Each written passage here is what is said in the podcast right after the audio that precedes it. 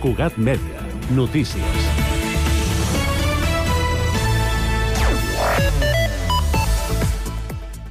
Sant Cugat és una ciutat segura. Així ho afirma el conseller d'Interior, Joan Ignasi Helena, que aquest, dima aquest dimecres ha encapçalat la Junta de Seguretat Local del municipi. A Sant Cugat es produeixen 56,3 fets delictius per cada 1.000 habitants, lluny del 78,1 de mitjana a Catalunya. La percepció de seguretat entre els ciutadans ha millorat, tot i que els robatoris amb força de domicilis continuen sent l'espasa de Damocles del municipi. El darrer any, en aquest tipus de delictes, ha crescut un 4% respecte al 2022. Això ha valorat el conseller d'Interior les dades de seguretat del municipi. Crec que de l'anàlisi de les dades que hem, que hem fet avui podem concluir, concloure clarament que Sant Cugat és una, és una ciutat segura. Està en torn d'un 30% per sota de la mitjana de, de fets delictius del, del país en l'àmbit dels delictes a les persones doncs, molt, molt, molt a baix i, per tant, això de què ens ha de servir? Doncs ens ha de servir d'estímul. Amb aquestes dades i davant una ciutat que s'aproxima a 100.000 habitants, tant la plantilla dels Mossos d'Esquadra com de la policia local s'ampliaran. En el futur, la policia local i els Mossos d'Esquadra treballaran més colze a colze que mai. L'alcalde Josep Maria Vallès ha explicat que la comissaria de la policia local s'ubicarà al costat de la comissaria de Mossos, al carrer d'Alfons Aragó, per oferir un millor servei i una millor coordinació. L'alcalde ha apuntat que l'Ajuntament té la reserva del sol feta i que la intenció és començar a treballar el projecte aquest mandat. Per altra banda, Sant Cugat és el municipi català de més de 50.000 habitants amb més esperança de vida. En concret, el temps de vida mitjana dels veïnat de la ciutat és de 84,29 anys. Per sexes, qui més viu són les dones, amb una mitjana de 86,32 anys. Els homes, per la seva banda, arriben als 82,12. Són dades de 2021 publicades per l'Institut Nacional d'Estadística. De fet, des de 2014, Sant Cugat es troba sempre al capdavant d'aquesta classificació. I finalment la Universitat Internacional de la Pau celebra enguany el seu 40è aniversari i ho farà amb una gran festa i un seguit d'activitats per recordar que 40 anys després de la seva creació, l'entitat és més necessària que mai. L'Unipau considera imprescindible celebrar aquest aniversari per recordar a la ciutadania que, tot i la seva tasca incansable a favor de la cultura de, pai, de la pau, la feina no es pot aturar. Per això volen continuar tenint la complicitat de l'administració, de les entitats de la ciutat i la societat en general. Més informació al següent butlletí horari i al portal web de Cugat.cat com a les xarxes socials de Facebook, Twitter i Instagram.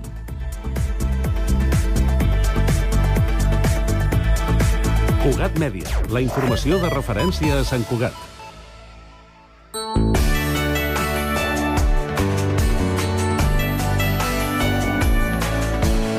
Ràdio Sant Cugat, Cugat Mèdia, 91.5 FM.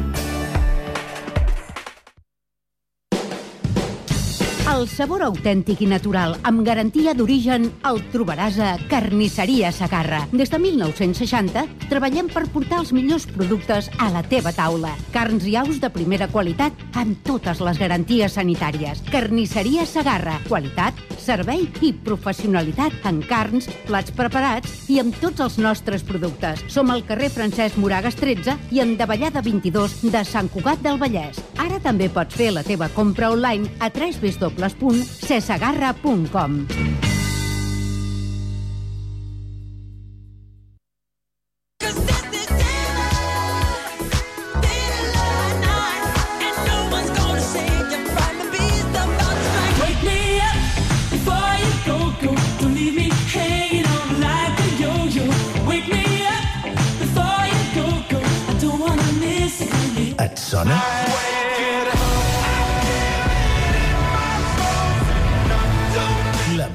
que vols. A Jukebox.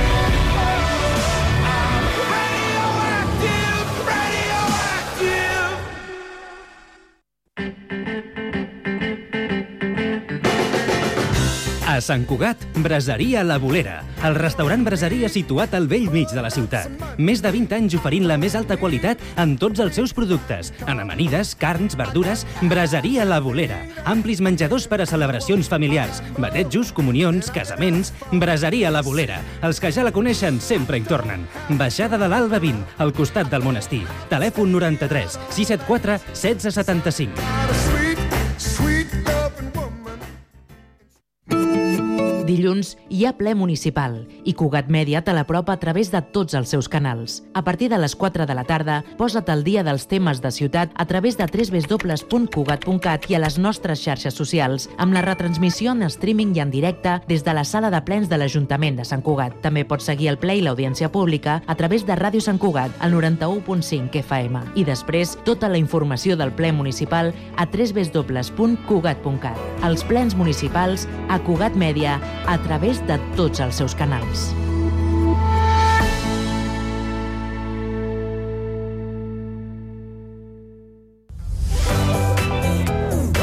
Connectats. Una experiència radiofònica a Sabadell. Ràdio Sabadell, 94.6. Terrassa. Ràdio Municipal de Terrassa, 95.2. Sant Cugat. Ràdio Sant Cugat, 91.5. El Prat. El Prat Ràdio, 91.6. Castellà. Ràdio Castellà, 90.1. I Badalona. Ràdio Ciutat de Badalona, 94.4. Cada tarda de 4 a 6, connectats. Ràdio Sant Cugat. Cugat Mèdia.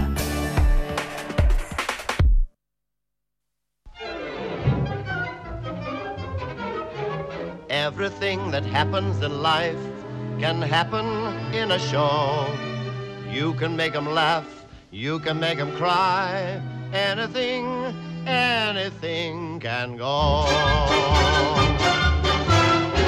The clown with his pants falling down, or the dance that's a dream of romance, or the scene where the villain is mean. That's Entertainer. Passen 7 minuts a les 12 del migdia, s'escolta aquesta música i vol dir que comença molta comèdia. El programa de les arts escèniques a Sant Cugat i de Sant Cugat. Avui parlarem de teatre...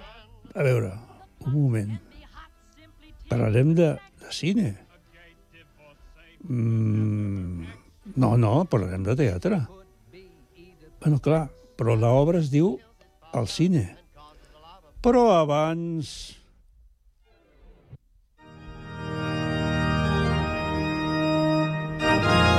La humilia del molt de comèdia.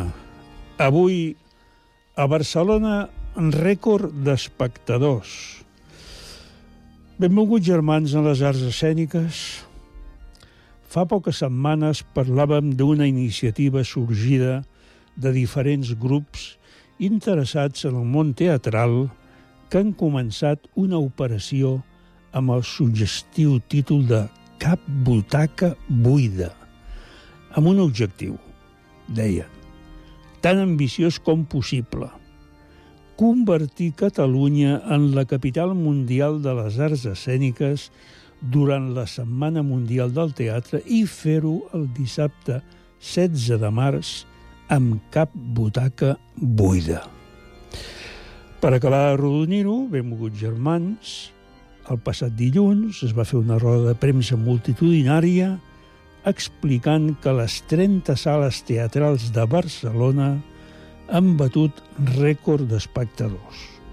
Un total de 2.845.015 amb un 60,43% d'ocupació de les sales qualificant-lo del millor any de teatre de la història de la ciutat, també amb un rècord de recaptació amb 86 milions d'euros, que l'any passat, o sigui el 2022, havien sigut 73 milions, i un milió, no, perdó, 2.401.069 persones la cosa important a considerar és que van superar no només els de l'any anterior 2022, sinó que també els de l'any 2011, quan s'havia arribat a assolir el primer rècord de públic de la història de Barcelona amb 2.816.283 espectadors.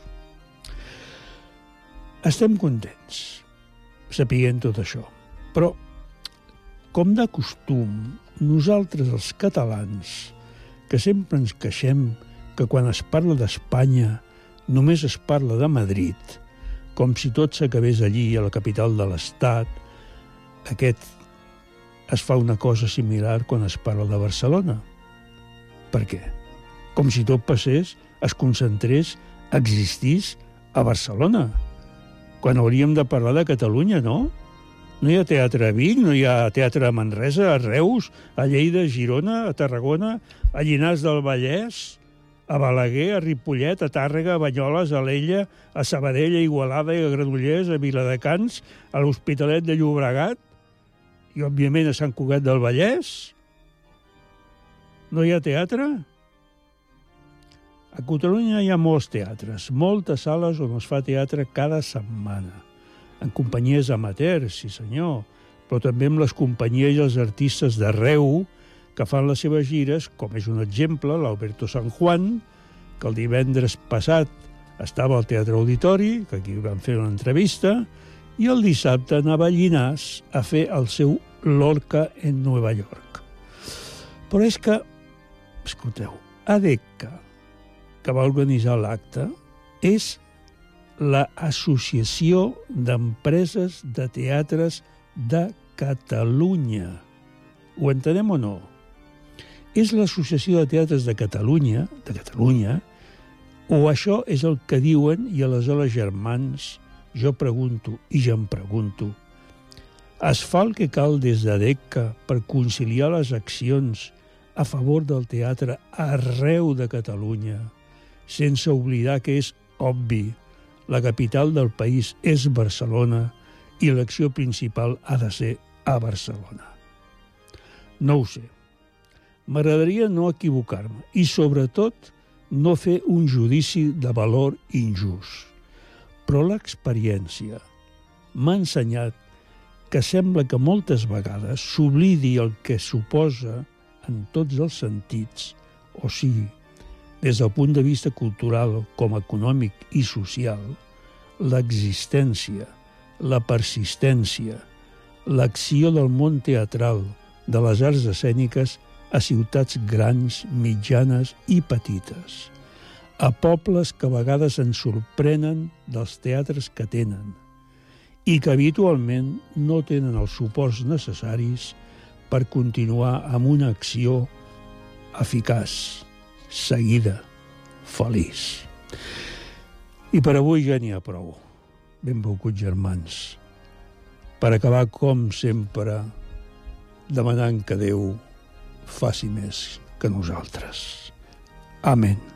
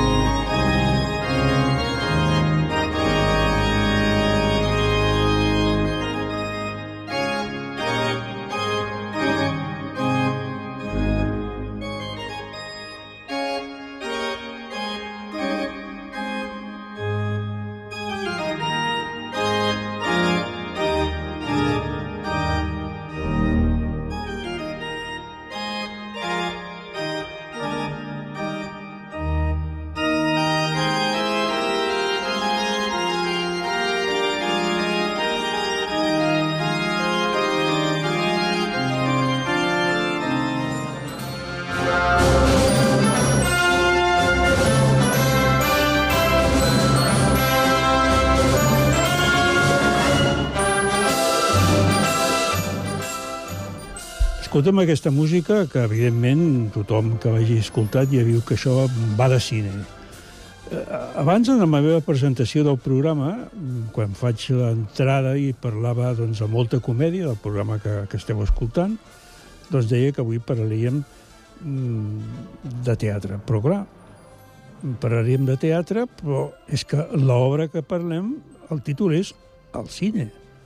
I aleshores caldria saber si parlem de teatre o si parlem de cine.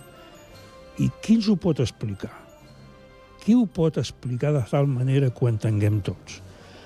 Crec que tenim la persona adequada. Les persones, perquè parlarem amb dos que estan participant en aquesta producció al cine, Danny Baker, que es presenta demà divendres 19 a les 20 hores al Teatre Auditori. I ell és precisament la directora d'aquesta obra, Marília Samper. Marília, bon dia. Hola, bon dia. Molt content de poder parlar amb tu. que bé, me n'alegro, igualment. Escolta'm, jo, clar, estava dient això i dic, a veure, Eh, aquesta és una obra de Danny Baker, que ha tingut, a més, molta, molta valoració, un, un Premi Pulitzer, eh, i, i que, a més a més, doncs, el títol era The Flick, és a dir, la, la, la pel·li, no?, podríem dir, una Mm. traducció. Sí. Què és el, cine, eh, Marilia? Doncs el cine um, ens mostra els personatges invisibles que no veiem mai, no? que són la gent que treballa al cine, no? la gent que neteja um, el, els cines eh, quan, quan ja no hi ha pel·lícula, no? quan ja es desfà la màgia i, i entren aquest, aquestes persones, aquests treballadors, a, a netejar i a preparar-ho tot per, per la següent sessió. No? Eh, I en allà veiem la vida, veiem qui som, no? què, què ens passa, que, quines són els nostres neguits, eh, les coses que em fan feliços i, i, i també, eh, per suposat, eh, parlen de, de, de les pel·lis, no? de les pel·lícules que, que amb, amb, amb la que, que ens marquen, no? Perquè estem parlant d'una d'una d'una escenografia que reprodueix una, una sala de cinema. Sí. I això és una... Un, és, com, com et va arribar, tu, Marília? Com, com va arribar aquesta, aquesta obra?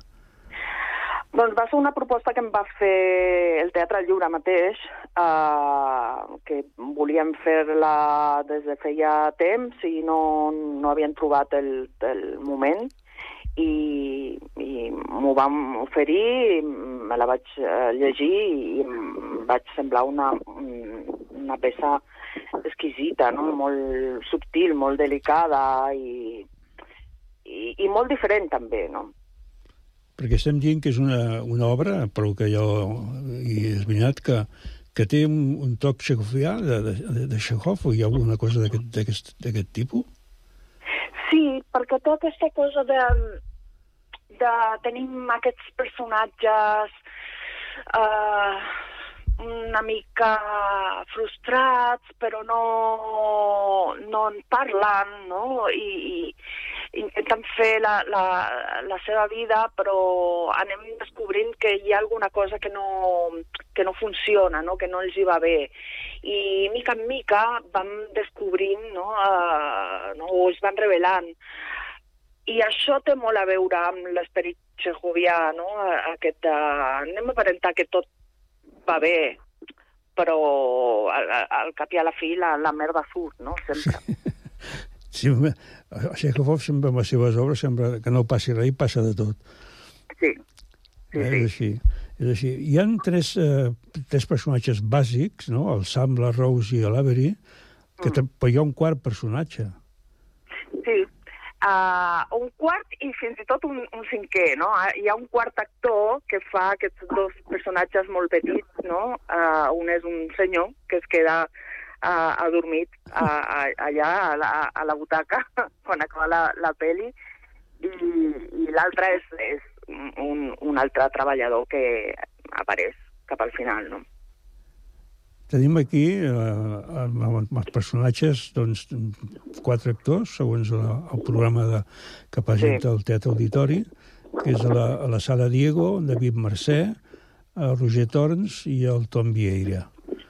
Eh, I precisament ens agradaria també que intervingués aquí amb aquesta, amb aquesta conversa a, a, el Ton, que em sembla que ens està sentint. Ton, bon Sí, dia. us estic sentint. Em sentiu vosaltres a mi? Perfectament, Sí, perfectament. Doncs Tom, Sí, benvingut, hola, bon dia, bon dia. benvingut al programa i, i explica'ns una mica el teu personatge, l'Avery, què és? Perquè és eh, el més jove de tots, per una banda, i per altra banda, sembla que és una persona molt interessada en el cinema. Sí, efectivament. L'Avery és un noi de, de, de, 21, de 20 anys um, i, i bueno, és un apassionat del, del cine. Eh, és un noi que ha trobat en el cinema un refugi no? on, on, on, on poder, doncs, poder viure en llibertat no? en, en, en, i també ha trobat en el cinema una manera de, de superar tots els problemes que té en, en la seva vida doncs, personal. És un nano que ha tingut molt poc contacte amb, amb l'entorn, no? I, i això ha trobat en el, en el cinema un, un refugi. que estem parlant d'un cinema que manté totes les característiques del, del que diem el, el, el, món analògic, és a dir, que és un cinema amb un projector eh, a l'antiga, no?, en tots els sentits. efectivament, sí. Marília, tu, tu què creus? Que aquests cinemes encara existeixen? Uh, aquí uh, encara tenim algun que, que, que projecta en 35 mil·límetres, no? Tenim la Filmoteca, tenim el, el, a Barcelona, no? Tenim el Fenòmena, uh, hi ha algun altre, em sembla, no? Però cada, ve, cada vegada són menys, no? Són, són cinemes de culte, no? O sea, que es mantenen per, per, per això, no? Per l'encant que té eh, aquesta cosa, però, clar, eh, gairebé tots els cinemes han- s'han anat passant al, al, a la projecció digital, no? que és un, un dels conflictes que, que, que es troben a l'obra, i que, perquè clar, eh, bueno, la tecnologia i tot això evoluciona, però clar, es perd eh, la màgia i fins i tot la qualitat, no? Perquè hi ha un moment que el, que l'Avery, el personatge que, que, que fa el ton, parla d'això, no? De la, de, de la diferència que hi ha veure una pel·li amb, amb, no? amb, amb, amb 35 mil·límetres en pel·lícula, no? Eh, vers a, a, al cinema en digital, no? I fins i tot fa la comparació de, de veure no, un, el, la Mona Lisa no? uh, en directe o veure un pòster, no? Que esclar. I, I hi ha una defensa molt gran de, de, del cinema en pel·lícula, no en film. I Ton, Ton l'Avery, eh, com a personatge que, que, és, que és un amant del cinema, eh, què, què, què, què es produeix? Que xoca una mica amb els altres personatges que, que composen el, el, el grup que està netejant, o la projeccionista, perquè la, la, en el cas de la, de la Sara Diego és, és, la, és, la, que, és la, la protagonista, no? Sí, bueno, si en algun moment de l'obra veiem no, que, que xoca, jo crec que si xoca en algun sentit és això, no? el que deia la Marília, no? que l'Avery és un personatge que, que és un amant del cinema, del cinema autèntic, no? i és un gran lluitador per preservar l'essència del cinema també, no? de tota la vida.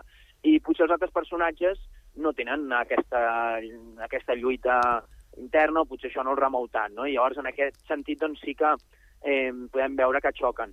Llavors, després també xoquen doncs, en altres... Bueno, són tres personatges que estan en una constant lluita per intentar comunicar-se, per intentar relacionar-se, i, clar, això mm, no és tan fàcil. Llavors, durant l'obra anem veient aquesta dificultat que tenen els personatges um, per relacionar-se, no? I, I a vegades xoquen, a vegades s'entenen, a vegades s'ho passen bé, a vegades no, saps? Eh, ho, ho vas veient al llarg de l'obra.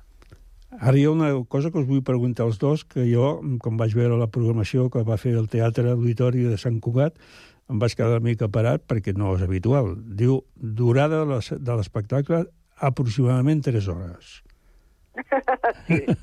Marília, en aquest moment, en aquest moment que hi ha aquesta, aquesta forma, aquesta resposta, sobretot per, per part dels joves, de, de mantenir l'atenció un temps determinat i després no, amb dificultats, com, com, com ho vau plantejar, això?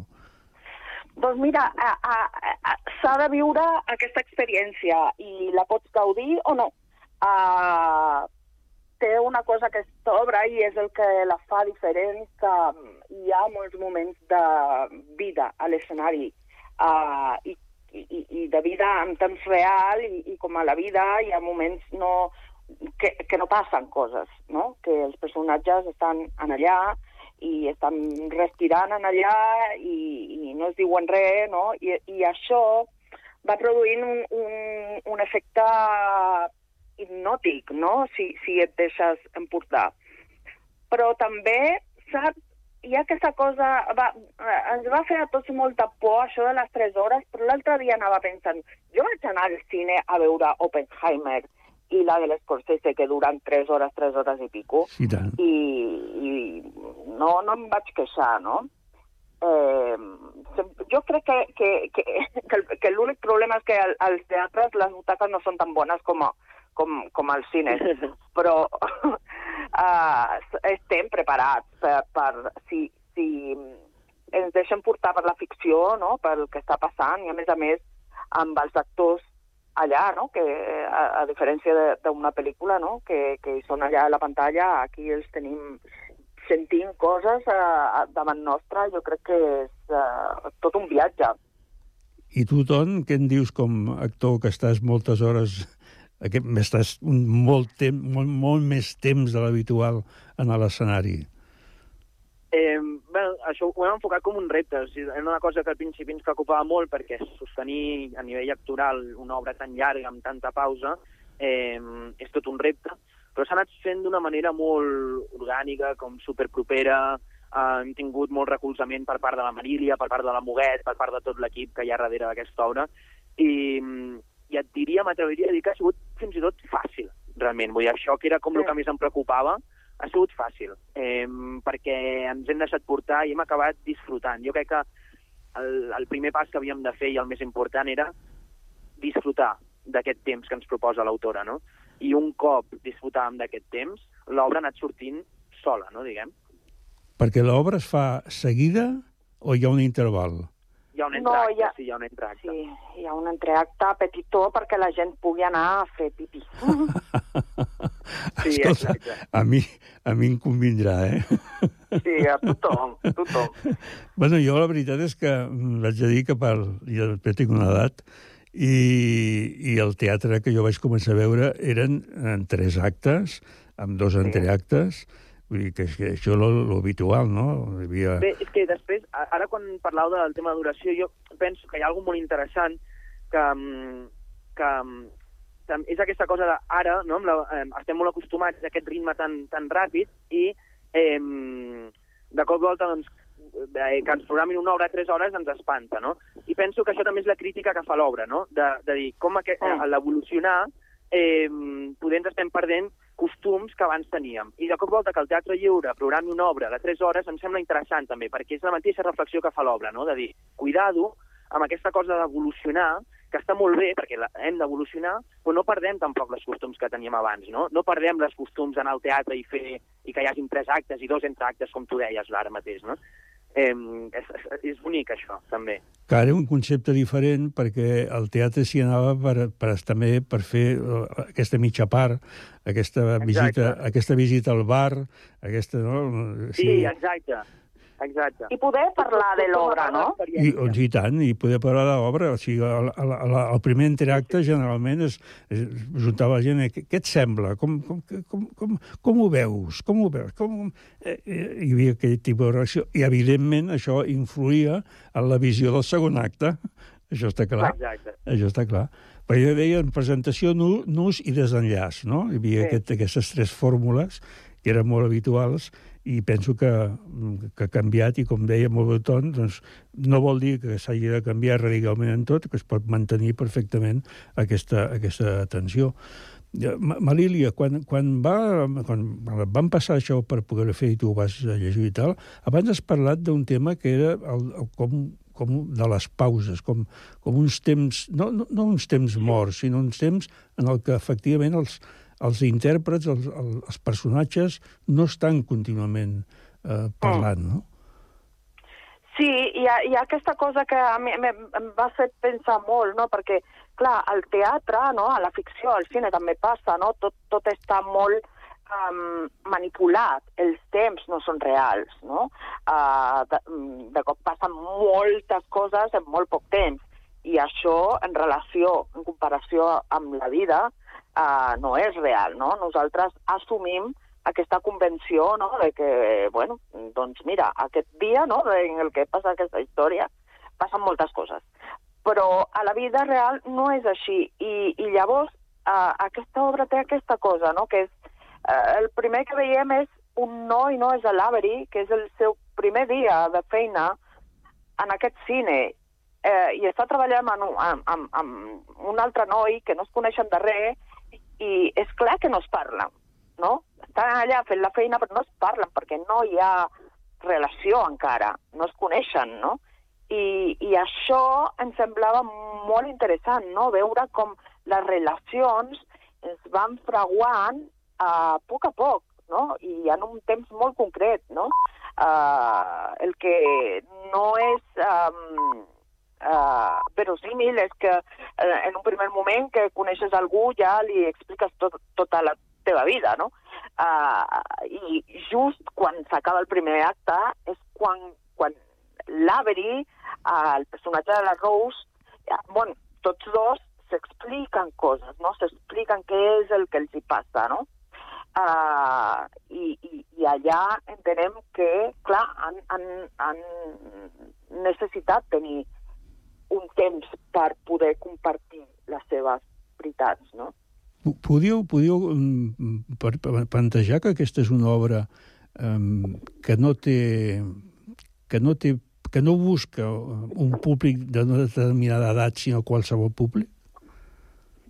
Sí, sí, sí, sí, jo crec que sí. Jo crec, jo crec que és una funció uh, amb, amb la que el públic jove es pot identificar molt per, per l'edat dels personatges i pel que els hi passa als personatges, però pels que són més grans, clar, nosaltres tenim tota una sèrie de vivències que podem detectar uh, no? Um, podem entendre coses dels personatges, no?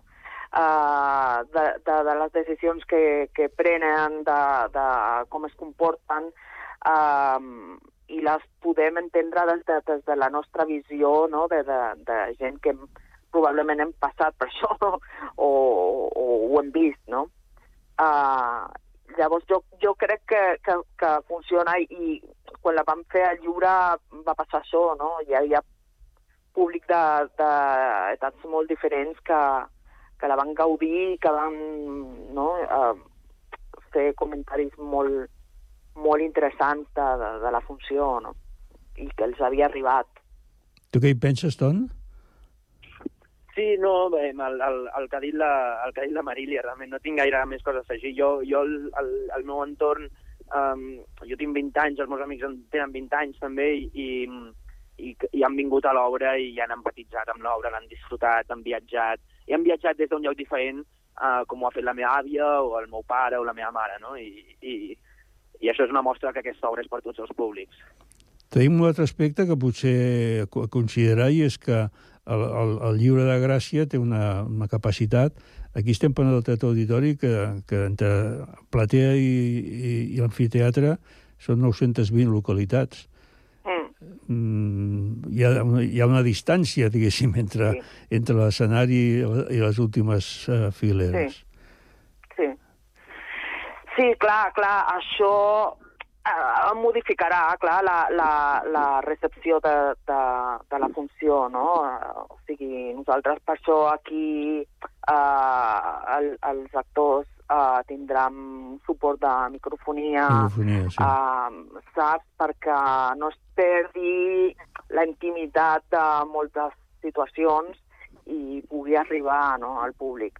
Uh, va, serà, serà molt diferent, serà molt diferent sobretot per ells, perquè al, al, al Lliure de Gràcia teníem el, el públic molt més a prop. No? Perquè heu, heu, heu, heu girat, heu girat uh, per més llocs uh, a partir del, de, del que es va fer... No, no, no, aquesta és la primera funció en gira que Ah, fem. és la primera. Sí.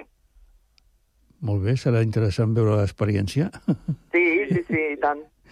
Molt bé, doncs escolta, Marília, moltes gràcies per haver estat amb nosaltres i Ton, no cal dir-ho, també moltes gràcies. Moltíssimes gràcies. I, I no sé si voleu dir alguna cosa vosaltres abans de tancar, eh, que, el, que, el, que el, el que ens escolti doncs digui, doncs vinga, som-hi.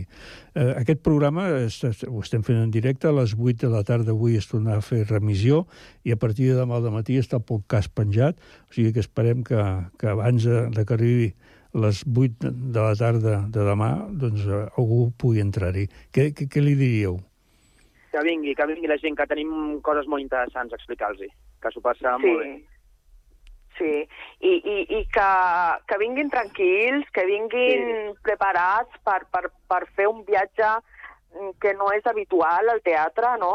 Per, per això de, no? de, d'aquesta cosa de, de, del temps real, no? Que, que vinguin, que si, si entren amb això, eh, l'experiència és, és és molt maca, no? És inoblidable. Perfecte. Doncs Marília, Moltes moltes gràcies. I gràcies, Ton. I, en fi, fins demà. Exacte. Perfecte, moltes gràcies. Adéu, bon dia. Adéu. Bon dia. Adéu. Sucosa carregalina El meu cap que ja delira.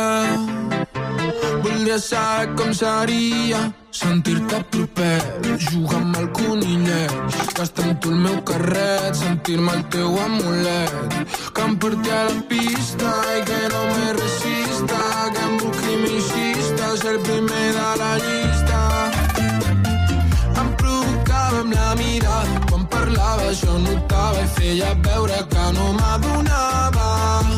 Seva cintura ben pegada, quan ballava la notava i feia veure que no m'importava. La mossego, cego, em de controlar amb el seu pas i m'arrossego, cego. Sota els seus peus, el seu compàs em desapero, però la fantasia no és ficció, ja no em despego, pego. Ai, t'hi pego. Baby, lo nostre és impossible. Mira que tu ets irresistible. Pensa en tu per escriure un llibre. Tant em posaria la Bíblia. I la més capritxosa de Barcelona. Xulejant tota l'estona. Amb el sol del rosa, molt venenosa. T'ho juro, la recíproca Em torno loco cada cop que la veig. La gola seca, si t'aprop ja tinc set. Si t'amolava que parem, ballem junts la batxata ben pagats. Em provocava amb la mirada, quan parlava jo notava i feia veure que no m'adonava. Seva cintura ben pegada, quan ballava la notava i feia veure que no m'importava. La mossego, cego, em de controlar amb el seu pas i m'arrossego, cego. Sota els seus peus, el seu compàs em desapero, però la fantasia no és ficció, ja no em despego, pego. Si t'hi pego. Mover la bachata catalana, figa flava, díselo cartiti, tei, tei, tei, sempre la companyia. Presenta arriba la invitació per la calçotada.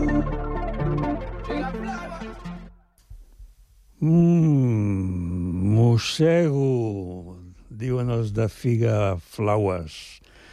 A veure, a veure, eh, he posat aquesta música perquè l'altre dia vaig llegir un article molt interessant que es titulava Reflexions de sociolingüística al costat de l'escenari. I per què? Perquè diu, diu adolescents i joves com els músics que idolatren sobre la vintena, xalen amb el salseo per compartir amb els seus bros els últims cotis. Un divendres a la nit poden començar amb el langueo i passar-se al tonteo amb alguna xori. I si hi ha alguna cosa que critiquen és allò d'actuar com un NPC. A veure, un NPC, què és un NPC? Pregunto jo, perquè clar, diu, quan és un NPC? I un NPC, doncs miro aquí un diccionari que hi ha i diu que és no tenir personalitat, conyo. Clar, està claríssim. Ah, perquè el, el figaflaues, què diuen aquí? Diu, menjant-se una síndria sucosa que regalima, el meu que cap ja delira, el meu que cap ja delira. Voldria saber com seria sentir-te propet, jugar amb el conillet, gastar amb tu el meu carret. A veure, tot quadra, tot lliga, no? Encaixa perfectament. Síndria, regalima, delira, seria apropet, conillet, carret. Sí, senyor, perfecte. I després continua amb la tornada. La tornada diu, em provoca amb la mirada. Quan parlava jo ho notava i feia veure que no m'adonava. Seria cintura ben pagada, no, perdó, la seva cintura ben pagada, que bailava la notava i feia veure que no m'importava. La mossego cego, em descontrola amb el seu pas i m'arrossego, cego. Sota els seus peus, el seu compàs, em desespero, però. La fantasia no és ficció, ja no em despego, pego. Ai, si eu te pego. Escolta'm, fantàstic. Temo que encaixa perfectament. La qüestió és que posar-hi un ritme que sigui continu, que vagi fent aquesta percussió, pam, pam, pam, pam, pam, pam, i acabar, quan acaba a final, di- diu, removent la batxadeta catalana figaflaues, díselo cartiqui, del, del, del, dei, sempre en bona companyia, recent arriba la invitació per la calçotada Figgy Flowers. Escolteu, l'article aquest que, de, que deia abans, hi ha els, els lingüistes que es posen amb aquest tema i comencen a parlar, doncs, a dir que hi ha unes barreges contínues, no? A més, diu, diu els, els tiets, per exemple, no? Els figafraues aquests, els musca, el tiguell, diu... Hi ha una sèrie de, de, de paraules, expressions, que són mm, amb lletres que són molt enganxoses, això està claríssim, però el problema que està és que aquest català que fan servir aquest ús social està retrocedint. Però què és el que no retrocedeix? Jo em, pre jo em pregunto. Aquesta és la realitat. Què és el que no retrocedeix? I, mm, malauradament, o afortunadament, o com sempre, doncs hi ha un tipus de llenguatge que seria l'anglès, bàsicament, que el que està és entrant dintre de, de qualsevol manifestació, el que tu vulguis. O sigui, com pregunten... Jo penso que últimament tenim TV3 amb un llançament brutal, amb eufòria, etc etc. Ara començarà una sèrie també amb adolescents la setmana vinent. O sigui que es pretén, amb molta lògica, doncs, que hi hagi una resposta juvenil, una resposta de gent jove, que vegi a la televisió i que escolti segons quin tipus de música, etc etc. Molt bé. Però les lletres són les que són. Mira, per exemple, tenim aquí un altre exemple fantàstic. Per mi, eh? Per mi una tendència que és el triquell. El triquell té aquest el jugular, el jugular que diu soc un moc podrit en un lloc avorrit. Maquino atordit rere d'un manir. Hòstia, cultura aquest noi en té, està claríssim, pare d'un manir, no? I veja, lliga. Poc em crec la realitat, falta honestedat, estic en captivitat dissociant la veritat. Aquesta frase, aquesta frase d'aquesta cançó, de jugular, segons a quina època d'aquest segle, o del segle passat, sobretot del segle passat, hagués sigut revolucionària, perquè diu una cosa, diu, però tu tranquil, és millor riure's de la vida que morir vivint, tot abduïts, la movi matabala, però jo crec en el destí.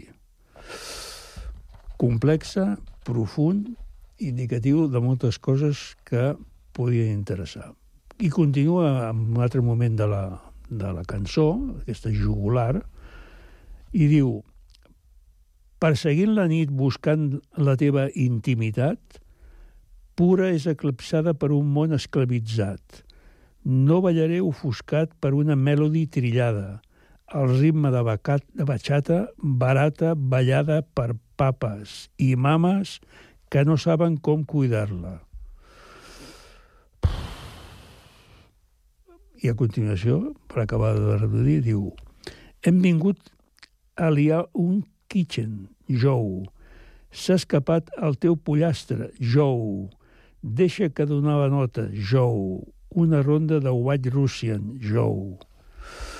Però hi ha una altra peça de l'amic eh, Triquell, que encara em sembla millor, que és la, de la, de la última, jo crec que és la, de la última sèrie que ha pogut, que ha pogut treure, que es diu CBD i Espardenyes. Imagina't, CBD i Espardenyes. Què és CBD? Comencem per això. Què és CBD? CBD és cannabidiol.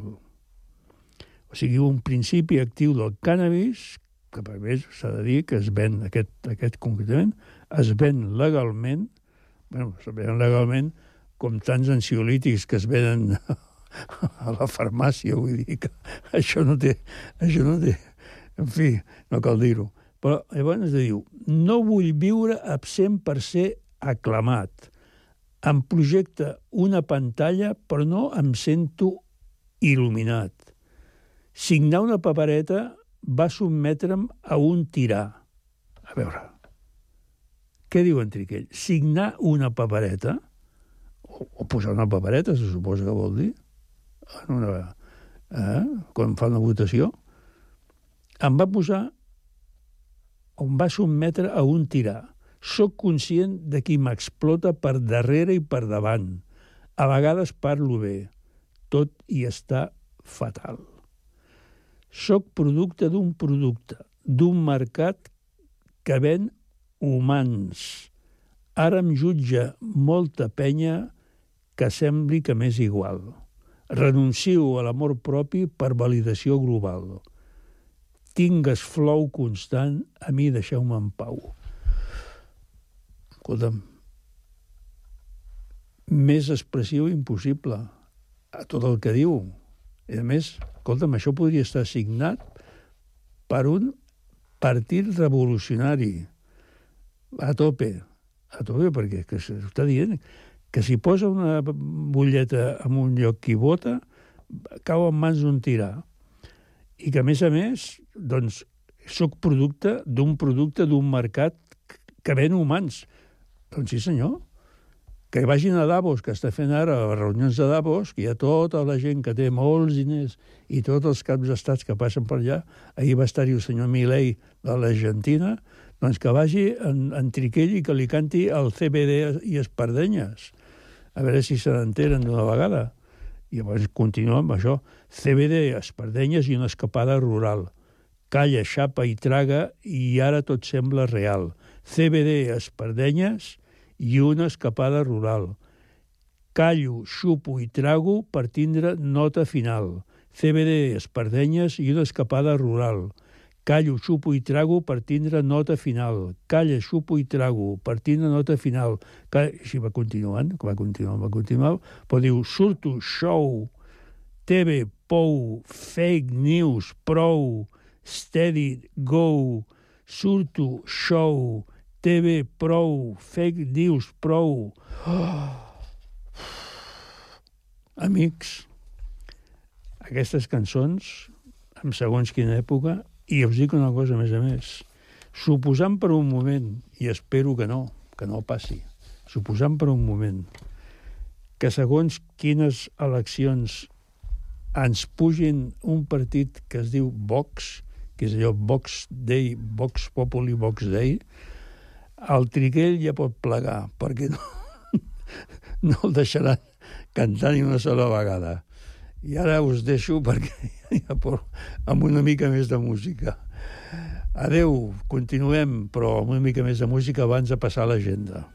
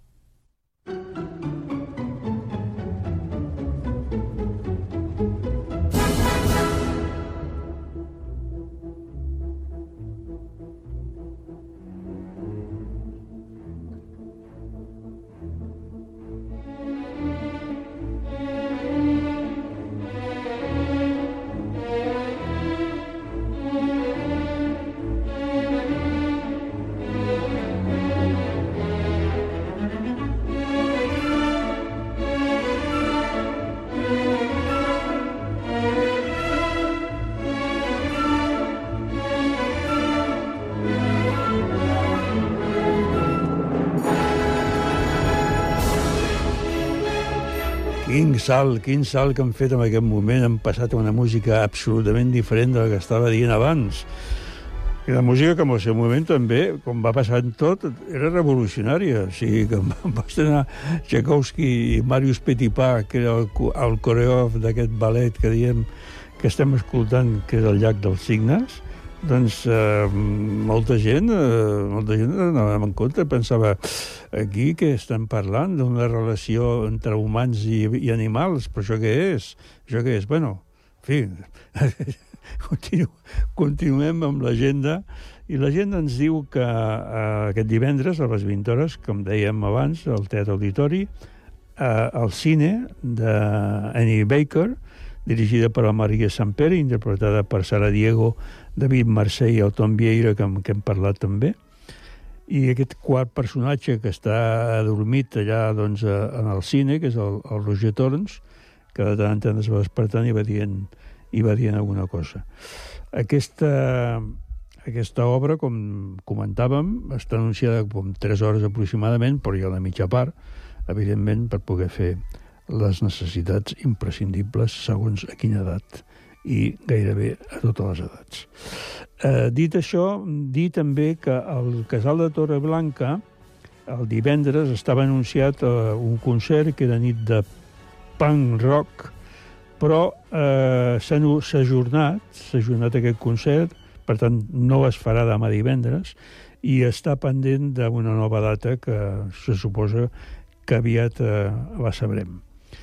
Dissabte, a les eh, 16.30, a les 4.30, de la- 4 i mitja de la tarda i a les 18, a les 6 de la tarda, a la cafeteria del Teatre Auditori tenim el És Màgic amb el Max Selvin, que són aquestes eh, representacions de màgia que es fan a la cafeteria per un públic reduït. Mm, Està sempre molt ple, per tant, si teniu intenció d'anar-hi, millor que ja us preocupeu de reservar les entrades, tot i que es, es faci dues vegades, però eh, ja dic que sempre està ple, sempre està ple. I el mateix dissabte, dintre de la gira que està fent, eh, la nova gira que està fent el ballet de Kif, eh, doncs es representa precisament aquestes, aquest llac dels signes que abans comentava, amb música de Tchaikovsky. El ballet de Kif ja va estar aquí a Sant Cugat, va fer una gira també per a Barcelona i per a Espanya, i, i vindran una sèrie de, de solistes en gira que són... El ballet és molt, és molt gran, hi ha molta gent, i sempre hi ha, si no m'equivoco, dos que estan girant i un que està fixe en el, en el propi Kif, si és que no hi tira una bomba al senyor Putin i els deixa tots liquidats allà en el te... que espero, que espero que no passi, però considerant el qui estem parlant pot passar de qualsevol cosa. El, la coreografia, com deies, del Marius Petipà i la direcció del Víctor Ischuk i suposo que dintre del uh, ballet clàssic doncs serà també una gran, una meravellosa uh, funció de coreografia fantàstica i a música de Tchaikovsky inoblidable i conegudíssima. I el diumenge a les 12 del migdia el concert de cambres singulars és l'última d'aquesta fase, en aquest cas a la sala IMAT, amb el violinista gironí Miquel Muñiz, amb música de Bach, Isaïe, Penderecki, Bieber, Basewich i Paganini. Aquest suposa que aquest últim Paganini serà per fer una demostració de tècnica, que és el que Paganini doncs, demostrava amb, la seva, amb les seves partitures. I eh, el mateix diumenge, però a les 7 de la tarda, la Simfònica del Vallès interpreta Gardel, tangos i milongas, que està en aquest cas l'orquestra dirigida per la Marta Cardona, que és la concertino habitual de l'orquestra, i la veu de la cantant Sílvia Pérez Cruz, música del Astor Piazzolla, del Carlos Gardel i del Atahualpa Yupanqui. És a dir, que el Carlos Gardel, evidentment, el que porta aquí és el tango, l'Astor Piazzolla un tipus determinat de tango, i l'Atahualpa Yupanqui les milongas, que són molt, molt clàssiques. Jo per tancar el programa us posaré, volia posar a Silvia Pérez Cruz en, en tango, però la veritat és que no he trobat i el que he trobat doncs, sonava molt, molt malament. I per tant us poso una cantant fantàstica, que va ser la, la reina del tango, dona, Libertad Lamarque. I amb quina cançó, amb quin tango, Volver, de Carlos Gardel. Adiós, muchacho, hasta el próximo jueves, con vos, con todos vosotros.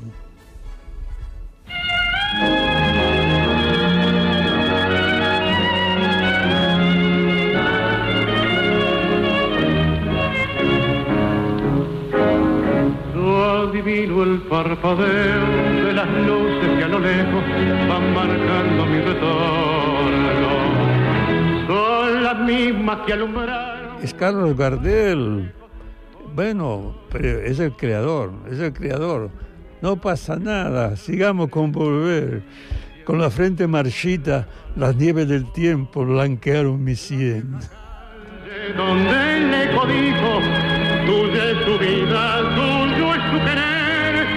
Bajo el burlón mirar de las estrellas que con indiferencia hoy me ven volver. Volver frente marchita, las nieves del tiempo platearon mi piel.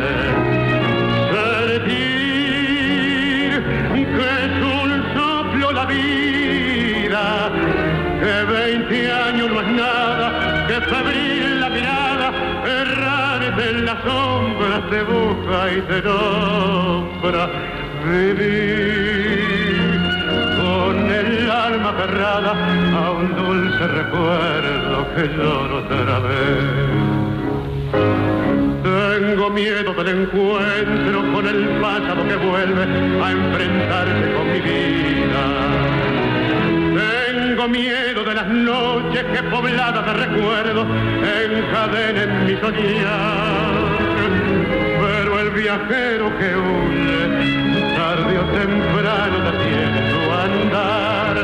Y aunque el olvido que todo destruye haya matado mi vieja ilusión, guardo escondida una esperanza humilde que es toda la fortuna de mi corazón.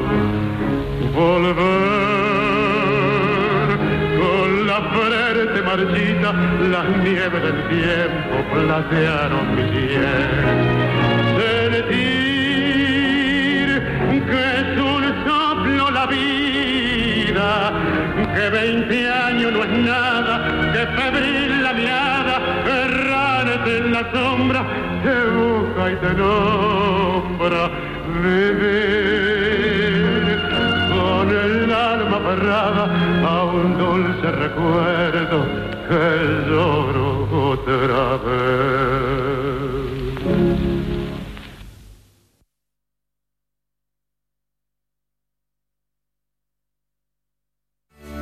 Ràdio Sant Cugat. Cugat Mèdia.